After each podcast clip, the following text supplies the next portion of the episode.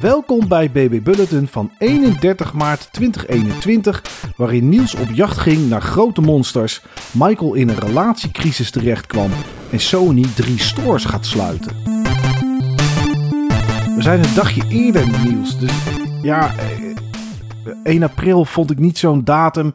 Dan denk je toch dat mensen je niet serieus nemen als je dan iets maakt. Dus we doen het maar even een dagje eerder. Ja. En ik vraag me dan af, heeft dat iets te maken met die relatiecrisis waar je zojuist over had? Nee, daar ben ik echt in terechtgekomen in een relatiecrisis. Aha. Ja, maar ja, dat is voor zometeen. Want jij ging eerst op jacht naar monsters. Ja, ja niet zo'n beetje ook. Ik, eh, ik heb zelfs vrijgenomen om te kunnen jagen op monsters. En het is lang geleden dat ik... Kreeg je geen vrij? Want er waren eh, bedrijven in Japan die gewoon vrij kregen, hè? Ja, zoiets had ik ook gelezen. Maar nee, eh, wij kregen geen vrij. Oké. Maar ik had wel een wat rustigere week sinds hele lange tijd. Dus als ik een moment vrije dagen zou kunnen opnemen, dan was het wel nu. En dan komt het mij ook nog eens heel goed uit, want dan is er tenminste iets waar ik mijn eh, tanden in kan zetten. En dat Ja, is inderdaad ja. Monster Hunter Rise. Ja, 4 miljoen exemplaren al verkocht. Dus eh, je bent niet de enige die ermee aan de slag gegaan is. Maar hoe bevalt het? Ja, eh, te goed, denk ik. Dat is, een, Oké. dat, dat is de conclusie. Ik heb de meeste Monster Hunters wel gespeeld, behalve de eerste twee op de PlayStation 2. Dus ik ben bij de PSP ingestapt en de Wii. Ah, ja, en ja. Toen heb ik nog wel eh, drie Ultimate gespeeld op Wii U en vier Ultimate op de 3DS gespeeld. Eh, World heb ik gespeeld. Ik heb Generations overgeslagen en ook Generations Ultimate. Maar nu speel ik Rise dan weer. En het is voor het eerst dat ik die drive heb die ik ook zo rond Try had, zeg maar, de, de Wii-game. Daar heb ik ook echt de franchise echt van leren spelen, weet je. Want dan kon ik tenminste tegelijk optrekken met mensen die toen ook dat spel instapten. Het nadeel van Monster Hunter is vaak dat als het spel een tijdje loopt, dat bijna elke speler zo'n beetje high rank is. En dan zit je daar als noob in je low rank. Eh, bij low rank is zeg maar makkelijke monsters. Ehm, daar loop je enorm tegen een muur aan. Dus dit zijn van die spellen waar je het liefst wil instappen op het moment dat een community daar naartoe beweegt. Ja, precies. Oké, snap het. Ja, en het is een aparte Monster Hunter. Ehm, ik las pas geleden dat die tegelijk ontwikkeld werd met World. Wat wij nooit hebben geweten natuurlijk. Want we zagen World uitkomen en er werd nooit iets genoemd over eh, Rise. Zelfs, volgens mij kwam Generations Ultimate ook nog uit na World op de Switch. Maar ja, je, je kan zien dat het een ander team is. Het, eh, zeg maar het oorspronkelijke Portable team dat heel veel heeft geleerd ook van World. Want er zijn een aantal dingen die ze wel hebben meegenomen. En er zijn ook een aantal dingen die ze hebben meegenomen en dan weer aangepast. En hebben gemengd ook met dingen van de oude Monster Hunter games. Want het mooie van deze serie vind ik altijd... is dat het gaat over eigenlijk niets, niets anders dan boss rushes... die je zelfs op een gegeven moment zou kunnen speedrunnen... Maar waarbij de voorbereiding ongeveer even belangrijk is als de uitvoering. Dus je kan niet zomaar met je kit de, de, de missie instappen. Je moet precies weten wat voor monster kom je tegen, in wat voor soort omgeving. Wat is je missie? Moet je die vangen? Moet je die verslaan? Moet je er misschien meerdere achter elkaar verslaan? En op basis daarvan kies je een bepaald armor set met een wapen dat zich voor die situatie goed leent en eventueel tools. Nou, Monster Hunter World die had al wat mij betreft een hele verstandige beslissing gemaakt om in ieder geval die voorbereiding wat te stroomlijnen. Want je moest vroeger altijd vijf pickaxes, vijf vishengels, eh tien whetstones, vijf hot potions, cold potions. Je had echt een hele marskramer aan, eh, aan, aan dingen mee, zeg maar. Omdat je moest omgaan met de omgeving. Als het in de vulkaan of zo, dan moest je een cold potion hebben. Zat je in de sneeuw, had je weer een hot potion nodig. En wilde je dingen farmen, dan had je al die tools nodig om resources te kunnen krijgen. En dat is nu allemaal op basis ook van World gestroomlijnd. Dus je, Oké, dat is wel beter. ja, je hebt één whetstone en die is permanent. Dus je hoeft niet whetstones te maken of zo. En, of te farmen. En je hebt geen hot en cold potions meer nodig. En als jij naar een plantje loopt of naar een bijenkorf of zo om honing te pakken, dan hoef je maar één keer op de knop te drukken en dan pakt hij alle honing die erin zit. In plaats van dat je één honing moet oppakken, 10 seconden moet wachten tot het poppetje weer is opgestaan. En dat de prompt terug is om nog een honing op te pakken. En dat je daar dus een tijd bezig bent. Dus het gaat heel Ja. snel nu. ook van World hebben ze overgenomen dat de werelden helemaal open zijn en vrij groot. Ze zijn niet zo groot als World, maar ze zijn wel groter dan de games allemaal voor World. En er is één level, is een, een soort van sandy desert, zeg maar. Die is wel ongeveer de grootte van World. Oké. Ze kennen wel meer verticaliteit. En dat bedoel ik mee dat er meerdere niveaus en hoogtes en zo zijn en bergen om te beklimmen. Want daar komt dan ook zeg maar de grote nieuwe tussen haakjes innovatie van Monster Hunter Rise. En waarom het ook Rise heet. Je hebt een nieuwe ability waarmee jij een soort lasso hebt. Dus een soort, ze noemen het silkworms. En je kan meerdere silkworms hebben. En eh, dat is zeg maar een soort van stamina balk zou je kunnen zeggen. Voor een beetje à la Spider-Man rondslingeren. Oké. En dat maakt het spel enorm snel. Want je kan overal naartoe. Je kan, het is bijna, het is niet Breath of the Wild zeg maar dat je overal op kan, maar je kan bijna overal op. Als je het kan zien en het ziet eruit alsof je er overheen zou kunnen komen met zo'n silkworm of dat je erop zou kunnen klimmen, dan kan het ook. En niet alleen dat, maar het speelt ook nog een situatie in combat. Dus uh, en dat versnelt ook de combat situatie. Dus de, de combat is, voelt veel sneller aan dan dat hij voorheen voelde. Omdat jij letterlijk jezelf naar een vijand kan toe katapulteren, zeg maar, met die lasso. Oh, en je hebt ook aanvallen die te maken hebben met die lasso. Bijvoorbeeld uh, de lasso-knop en dan X. En ik speel dan bijvoorbeeld soms met een hamer. Dat is een van de, ik denk wel 14 wapens of zo, als er niet meer zijn. Oké. Okay. Dan heb je dus ook allemaal nieuwe moves met die standaard wapens die je al kent van de vorige games. Die veel meer aerial control met zich meebrengen. Doordat je in de lucht kan bijsturen met die silkworm dingen. Mm. Dus het is wel echt, ja, het is echt te gek, zeg maar. Het is echt, ja. um, ik denk qua gameplay zeker de, de beste Monster Hunter die ik tot nu toe heb gespeeld. Maar ik weet niet of dat de beste, zeg maar, in de brede zin van het woord is.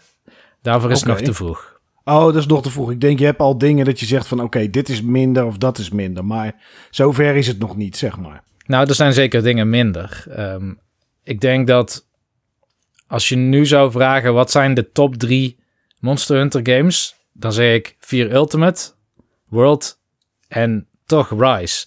Maar qua content heeft Rise minder dan die andere twee games. Oké. Okay. Zelfs minder dan World toen World net nieuw was, zeg maar. Toen er nog geen Iceborne expansion in zat. En voor, laat ik het zo zeggen, ik weet niet of dat de game iets makkelijker is dan wat ik had verwacht. Of dat ik gewoon nog al die moves en shit in de vingers heb. Maar ik, ik spring als het ware, zeg maar, door de singleplayer campaign heen. Ik had hem letterlijk in anderhalve dag uitgespeeld. Ja. En voor ik het wist, zat ik in high rank. ja, ik hoorde van een kameraad van mij die zei ook dat het hij vond het ook laagdrempeliger. Die had World ook redelijk wat gespeeld en, voor, en daarvoor ook wel Monster Hunter games. Maar die zei dat hij het uh, laagdrempeliger vond inderdaad en wat makkelijker was uh, om wat meer casual noemde die het. Uh, ja, ja, ik denk dat je dat wel kan stellen. wat deze game heel erg doet is het legt heel veel focus op de hunt zelf. Meer nog ja. dan World. Waarbij World, dan kwam je in die open wereld en dan moest je allemaal sporen gaan zoeken, zeg maar, van het monster. En dan kreeg je die scoutflies en die wezen je dan de weg. Dus mm -hmm. het voelde meer als een soort track and hunt game of zo. Terwijl hier hebben ze gezegd, je hoeft niks te tracken. Wij geven gewoon aan waar die is. Daar is hij. En go. Ja, doe je ding. Ja, en dan heb je nog van die honden, palamutes. En dan kun je op zitten en dan kun je echt enorm snel door die wereld heen. Dus dan, uh, ja, dan, dan merk je gewoon dat je, denk ik, netto 40% meer in combat zit dan in, dat je in World zat. Ja, precies. Oké. Okay. En wat ik ook wel fijn vind, dat, daar ben ik ook wel blij mee. Zeg maar, los van dat er dingen nog niet in zitten. Die komen hopelijk wel. Mm -hmm. Maar ze hebben wel een aantal dingen gerebalanced. Um, wat een van de dingen, zeg maar, toen wij World een keer samen hebben gespeeld. Ja. Die mij toen opvielen, was dat de, en dat heeft denk ik te maken met World was een soort van poging om zeg maar, de franchise ook aantrekkelijker te maken voor het Westen. Maar ze hadden het iets sneller gemaakt en dat is denk ik goed. Maar het miste ook een soort van impact. Dus als jij sloeg, dan ging je wapen, die wapperde zo dwars door het monster heen. Dan zag je wel een particle effect. Um, maar het miste, zeg maar, wat de oude Monster Hunter games wel hadden. Een soort van hitstun effect. Dus de, nou, het, zwaard botst tegen het huidoppervlak van het, van het creatuur aan, dan pauzeert heel kort die sla-animatie, zodat jij het gevoel krijgt dat je impact had. Ja. En dat hebben ze in deze game weer teruggestopt. Dus je hebt wel meer het idee dat je echt contact hebt met het monster. Dat je, dat je daar echt impact hebt, dat je tegenaan slaat, dat je er doorheen hakt of zo. En dat was iets minder in World. En het andere wat ze hebben gefixt is in World uh, flinch de monsters heel snel. Dus als je de, de game al wat beter kende en de signalen van de monsters, dan konden ze eigenlijk op een gegeven moment ook bijna niks meer doen tegen je. En dat soort tweaks maken dat deze game in high rank wel weer niveau Monster Hunter World is wanneer je die trucjes nog niet kent. Ja, precies. Maar ja, voor hetzelfde geld vinden ze volgende week die trucjes ook in Rise. Uh, ja, dat zou natuurlijk zomaar kunnen. 9 van de 10 keer gebeurt dat wel inderdaad met games. Ja. Maar goed, als je de story nu uit hebt, wat is er nu dan nog, Niels? Zijn er losse quests of bounties of, of dingen die je, of opdrachten die je hebt? Of is het gewoon ja, blijven jagen op, uh, op de monsters die je nog niet gezien hebt? De grootste en, en zwaarste waarschijnlijk. En uh, de beste armor proberen te krijgen en dan, ja, door met dat nog een keer te doen, zeg maar. Als jij de Village Quests, want zo heet die, heet die campaign, zeg maar. Als je die hebt uitgespeeld, dan ben je Hunter Rank 2, dacht ik. Oké. En de cap in deze Monster Hunter Rise zit op Hunter Rank 7. Dat is Oh. nog voor Master Rank, zoals het in World heette, of G-Rank, zoals het bij de Ultimate Games heette. Dus dat is niet zo heel veel. Je hebt zelfs in World heb je een monster voor Hunter Rank 100. Oké. En dat is een beetje wat ik bedoel met dat er nog wat content moet komen. Ze Ja. schijnen die deze maand, op het moment dat de podcast uit is, dan is het deze maand. Maar dan komt die ook uit. Dan unlocken ze die, die cap. Dan komen er monsters bij en meer endgame content. Maar nu is het zo dat in principe na die village quest, dan heb je inderdaad meer monsters. En op een gegeven moment dan de moeilijkere variant van die meer monsters.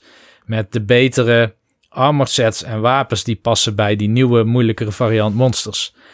Maar er zit sowieso, de, dus de, de campaign is vrij kort. En ja, dat loopt gewoon af op een hele maffe manier. Dat je denkt van volgens mij is het of een cliffhanger of, of een mist iets. Ze had hier een cutscene moeten triggeren, maar het is, ja, jij noemde het ooit, het lijkt wel een natte scheet. Niet deze game, zeg maar, maar zo komt Ja. die game dan wel een beetje over, ja. Maar wat nou één mooi ding nog trouwens van de game, is dat hij echt een hele unieke sfeer heeft. En Monster Hunter games heb- hebben altijd wel een unieke sfeer gehad, zeg maar. Een soort van, eh, ja, hoe moet ik het zeggen, beetje barbaren eh, die op dinosaurussen hunten. En dan had je van die, eh, van die katten die je daarin konden helpen. En het had altijd wel een snufje humor.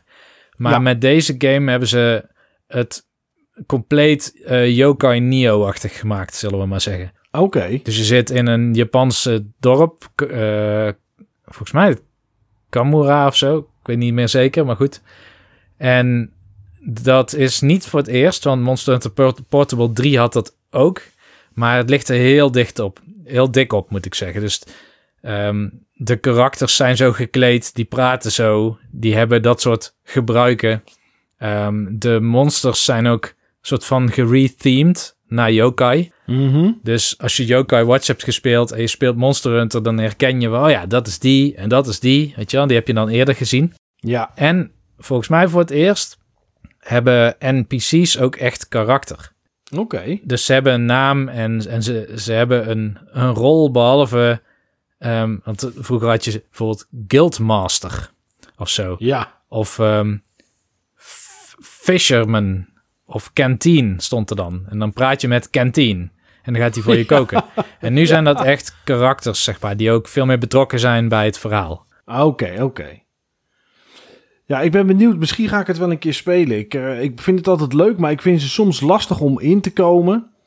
Omdat, ehm, ja, ja, ik weet niet. Misschien is het ook iets wat ik mezelf dan voorhoud, zeg maar. Of waar...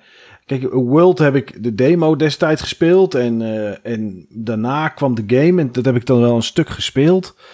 Maar niet lang genoeg. En dan, dan heb ik zoals. eh, aan de ene kant zou ik opnieuw willen beginnen. Omdat ik denk van ik wil wel weer eens een keer terug naar die game. Maar dan vind ik om bijvoorbeeld te starten anderhalf, twee uur. Als ik die vrij heb, zeg maar, te weinig. Omdat ik dan eh, nog niet in die tijd alle systemen of alle merchants of dat soort dingen allemaal heb ontdekt, zeg maar. En dat het, dat het er weer even goed in zit.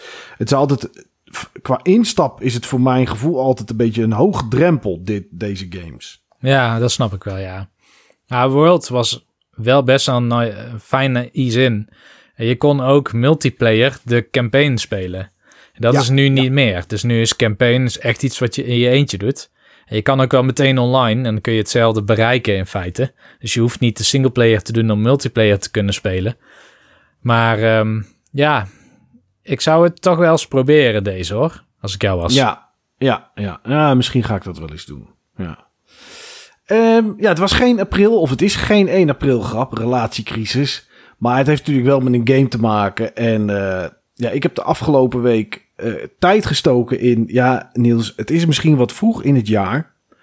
Maar dit is een van de Game of the Year eh, kandidaten die ik gespeeld heb. Oké. Ik heb eh, It Takes Two gespeeld. Oh. dus hij is echt zo goed. Hij is supergoed. Ja, ja, mooi. Ja, ja. Ehm, It Takes Two is een pure en alleen maar co-op game. Die je lokaal kan spelen in eh, splitscreen of online en ook in splitscreen. Dat was eventjes wennen. Omdat je, ja, normaal gesproken splitscreen iets voor eh, offline. En eh, heb je dat bij online, heb je dat eigenlijk niet.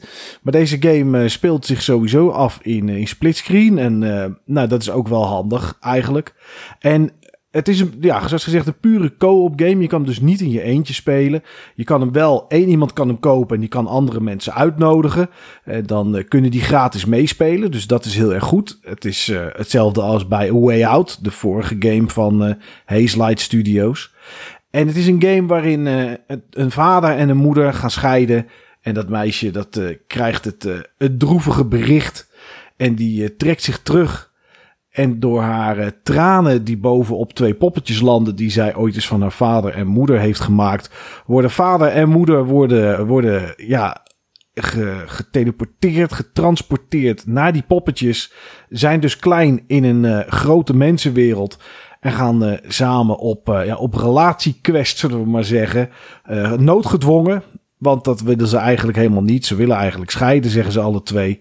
En eh, nou ja, goed. Aan het einde zal het vast wel goed komen, denk ik. Maar dat weet ik niet, want zover ben ik nog niet. En het is natuurlijk... ehm, ja, aan de ene kant is het lastig. Een, een game die puur co-op is. Eh, zeker omdat die eh, een stuk langer is. In ieder geval tot wat ik tot nu toe gezien heb. Dan A Way Out.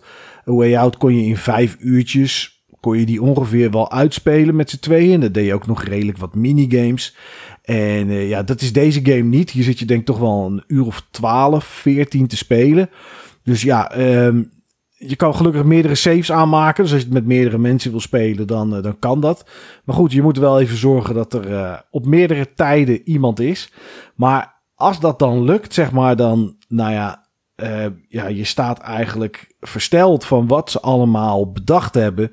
En hoe alle puzzeltjes en situaties, ja, hoe, hoe ze daarover nagedacht hebben en hoe je daar doorheen kan komen. En De, de, de, de hoofdbaas van de studio, de man die eh, ooit een keer zei: eh, Piep, de Oscars. En waar hij heel erg bekend mee werd, eh, Joseph Ferris, die zei al van, eh, en daar hebben we het een keer over gehad hier in Baby Bulletin. Als je de game speelt en je hebt het echt niet naar je zin, nou, dan eh, krijg je van mij 1000 dollar, want het is eigenlijk onmogelijk. En hij heeft echt gelijk. Het is onmogelijk dat je dit, als je gamer bent, niet leuk vindt. De, de, de, wat heel goed is aan deze game is de afwisseling. Je, je, je speelt in verschillende gebieden en daar krijg je soms een wapen en dat is in het volgende gebied weer weg. Dan krijg je misschien weer een nieuw wapen of een nieuw object waar je iets mee kan. Dus je zit nooit te lang met dezelfde manier van puzzels oplossen. Sommige puzzels die in hetzelfde gebied zitten, die, die los je sowieso op een andere manier op. En ehm, daardoor verveelt het echt geen moment. De game gaat ook redelijk snel door. Het is, ehm, ja, het, het, het gaat, het loopt, je loopt er vrij hard doorheen, zeg maar. En eh, soms zit je wel even te kijken hoe moeten we deze puzzel oplossen. Maar daar komt, en dat is dan toch wel weer mooi, de, de splitscreen. Die ook met online uh, te zien is dus heel erg handig mee. Want ja, als ik iets zie, dan zeg ik van, tegen die kameraad van mij, zeg, ja maar kijk, ik zie hier, zie ik dit. Uh, en normaal gesproken, als je dat niet van elkaar ziet, dan moet je het gaan uitleggen. Ja, als je meer naar links en dan boven die boeken uh, iets naar rechts. Nou nu kan ik gewoon zeggen, kijk hier op mijn scherm, daar zie je het.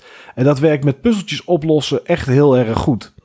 Het is ook echt leuk als je alle twee aan het nadenken bent en, en ja, geen idee hoe we hier doorheen moeten. En één zegt er een van de twee, oh, ik heb een idee, doe eens dit. Nou gaat het 9 van 10 keer fout natuurlijk en ga je dood. En dat is allemaal niet erg, want daar draait de game helemaal niet om. Game overgaan is bijna onmogelijk, behalve als je alle twee tegelijkertijd doodgaat. Dan kan je wel, uh, dan kan je wel game, over, game overgaan.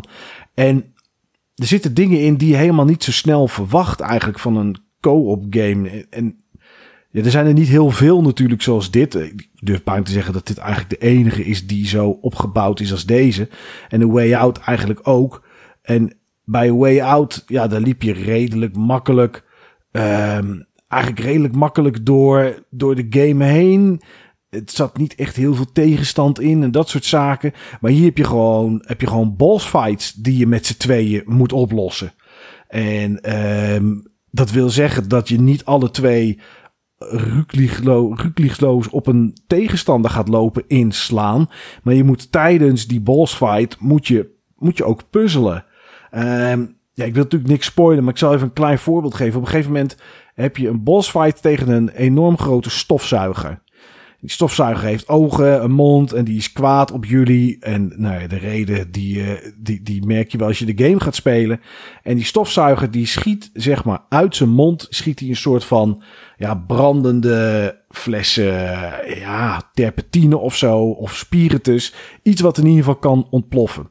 Nou, er is, een, uh, er is dan een apparaat met, stof, met twee stofzuigerslangen. De ene zuigt en de ander die, die blaast. En dan is het aan jou om alles te ontwijken wat hij naar je toe gooit. Of als hij slaat. Of nou ja, wat hij dan ook allemaal aan aanvallen heeft. En op het moment dat hij, dat hij die flesjes terpentine, benzine uh, spuugt en die in de fik staan en gaan ontploffen, gaat de een op de slang zitten om te zuigen. De ander die gaat mikken op de stofzuiger. En dan is het de een is, is, die, is, die, is die flesjes is die aan het opzuigen. En de ander schiet ze naar die, naar die stofzuiger toe. En dan wordt die kwaad, er komt er weer een aanval bij. En zo heb je heel veel boss fights. We hebben er al best wel wat gehad. En die zijn elke keer allemaal anders. Ja, dat is super gaaf. De humor die erin zit. Ik heb ook een paar keer echt heel erg moeten lachen. Gewoon om stomme, simpele grappen of misschien iets meer uitgedachte grappen. En ja, uh, dit is gewoon puur vermaak. Het is echt puur vermaak. Ik kan er niks anders van maken, Niels. Dus ik denk dat wij dit ook een keer moeten gaan spelen. Ja, dat denk ik eigenlijk ook. Ja. Zo klinkt het wel. En ja, ik denk dat de trailer verkocht de game vrij slecht. Daar zag je poppetjes op ballen rollen. Beetje alle Mario Galaxy. En dat zit er mhm. vast ook wel in, zeg maar, maar hoe jij het nu brengt is dat je ook puzzels hebt en eindbaasgevechten. Ja, ja, ja, dat zag je eigenlijk helemaal niet. En ik snap dat ze die eindbaasgevechten misschien niet wilden laten zien. Maar uh, er zitten zoveel dingen in dat je denkt, oh, kijk nou joh. Dat je, je krijgt op een gegeven moment krijg je spijkers en dat is een wapen. Nou, dat spijker die kan, één poppetje kan die spijker gooien. Die ander kan dat niet, maar die heeft dan een stuk van een hamer. Dus je hebt alle twee een andere ability. De een kan spijkers gooien en de andere kan slaan met een hamer. Nou goed, met die spijker kan je uh, natuurlijk een soort van platformen maken. Waar diegene met die hamer aan kan hangen door de kop van de hamer. Maar je kan ook, uh, als de een een platform omhoog slaat, wat langzaam naar beneden komt, met die spijker dat vastzetten.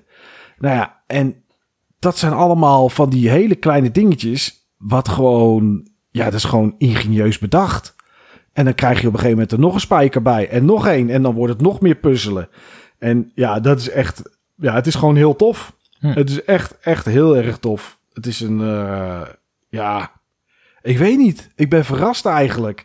Ik twijfelde nog op de dag dat hij uitkwam. Dacht ik, of de dag daarvoor. Toen waren de reviews er. En daarvoor dacht ik van, nou, ja, misschien koop ik het ook wel niet. Weet je, uh, co-op game. En uh, Way Out vond ik niet zo goed. Ik denk, nou, laat ik het maar niet doen. Zag ik die reviews met allemaal negens. Toen dacht ik, oké, nou weet je, laat ik het toch maar proberen. En uh, ja, ik heb me echt nog geen seconde verveeld. Ik heb continu gelachen.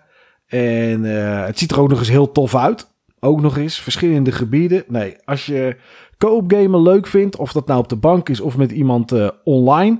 je kan volgens mij niet kruisen, nou ik weet bijna wel zeker, niet kruisen van Xbox naar PlayStation.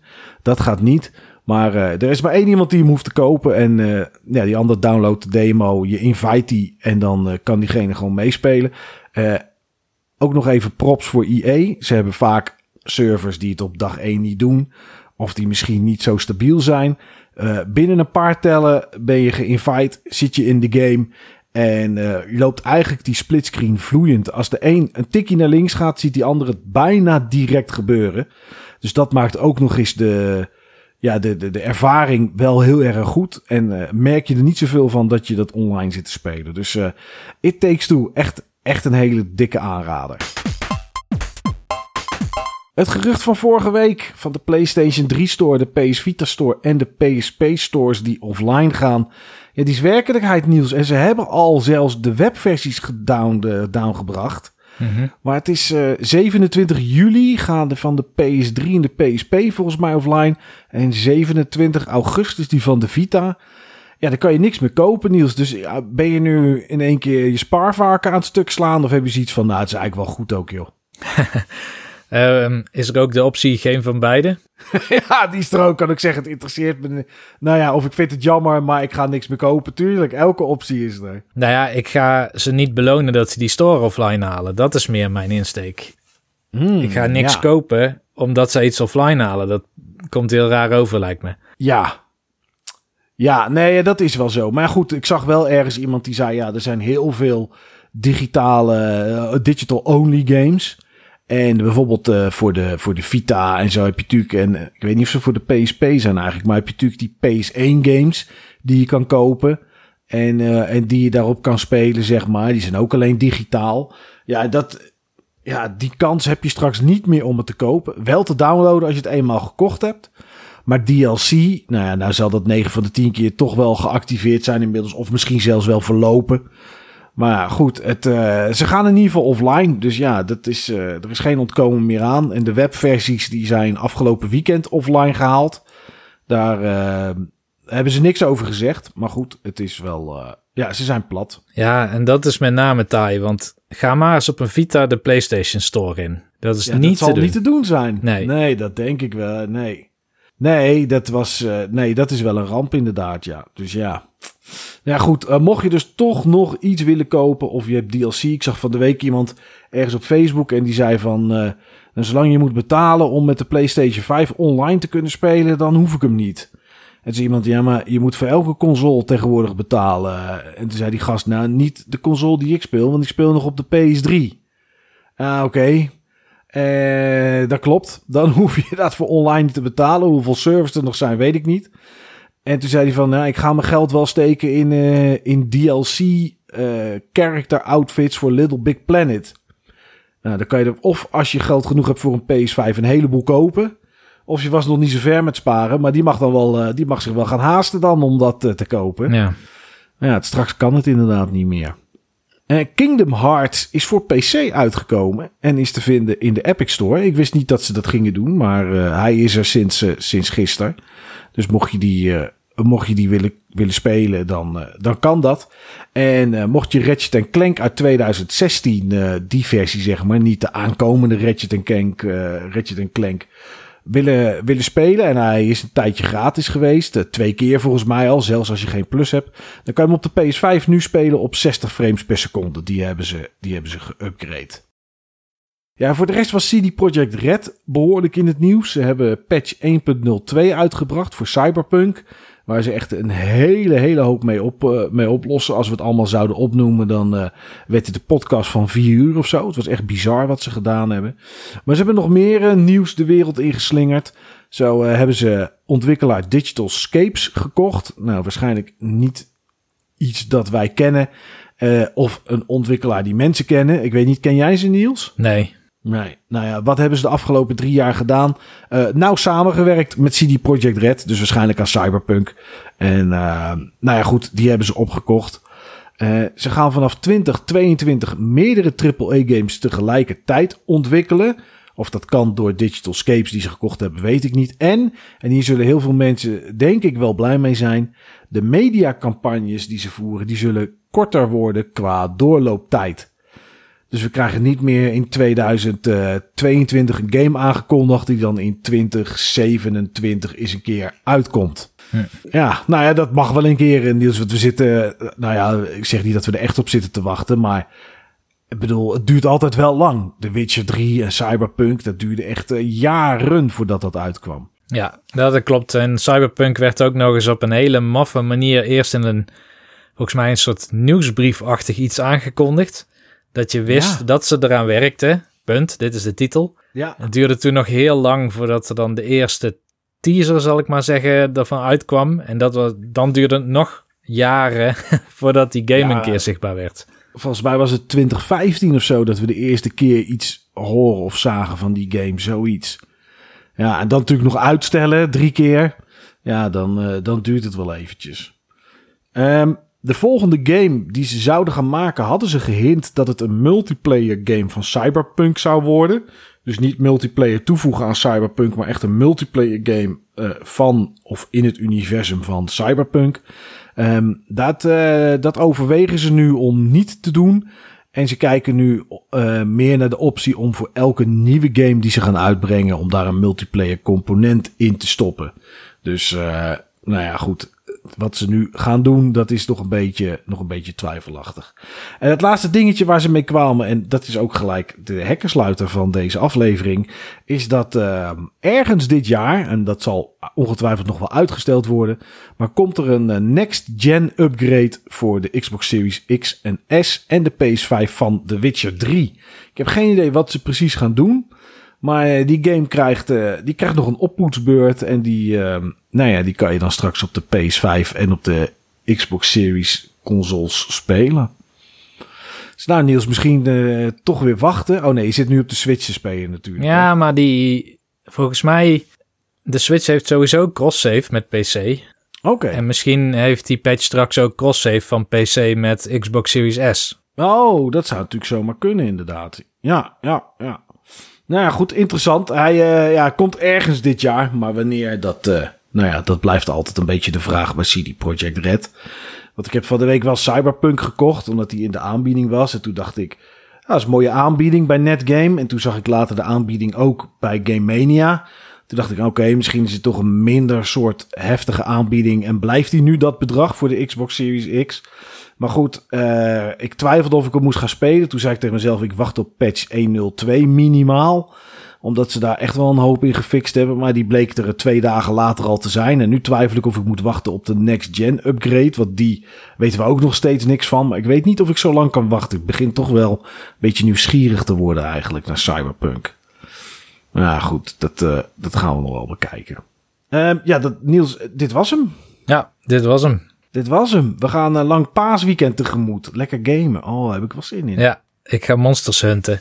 Volgens mij ben ik over een week al maximaal level. Oh, oh dat zou wel heel snel. Maar ja, dan uh, unlocken ze misschien die nieuwe monsters. Ik hoop het, ja. Ja, dat zou mooi zijn. Goed, dit was hem voor deze week. Baby Bulletin. Bedankt voor het luisteren en tot volgende week.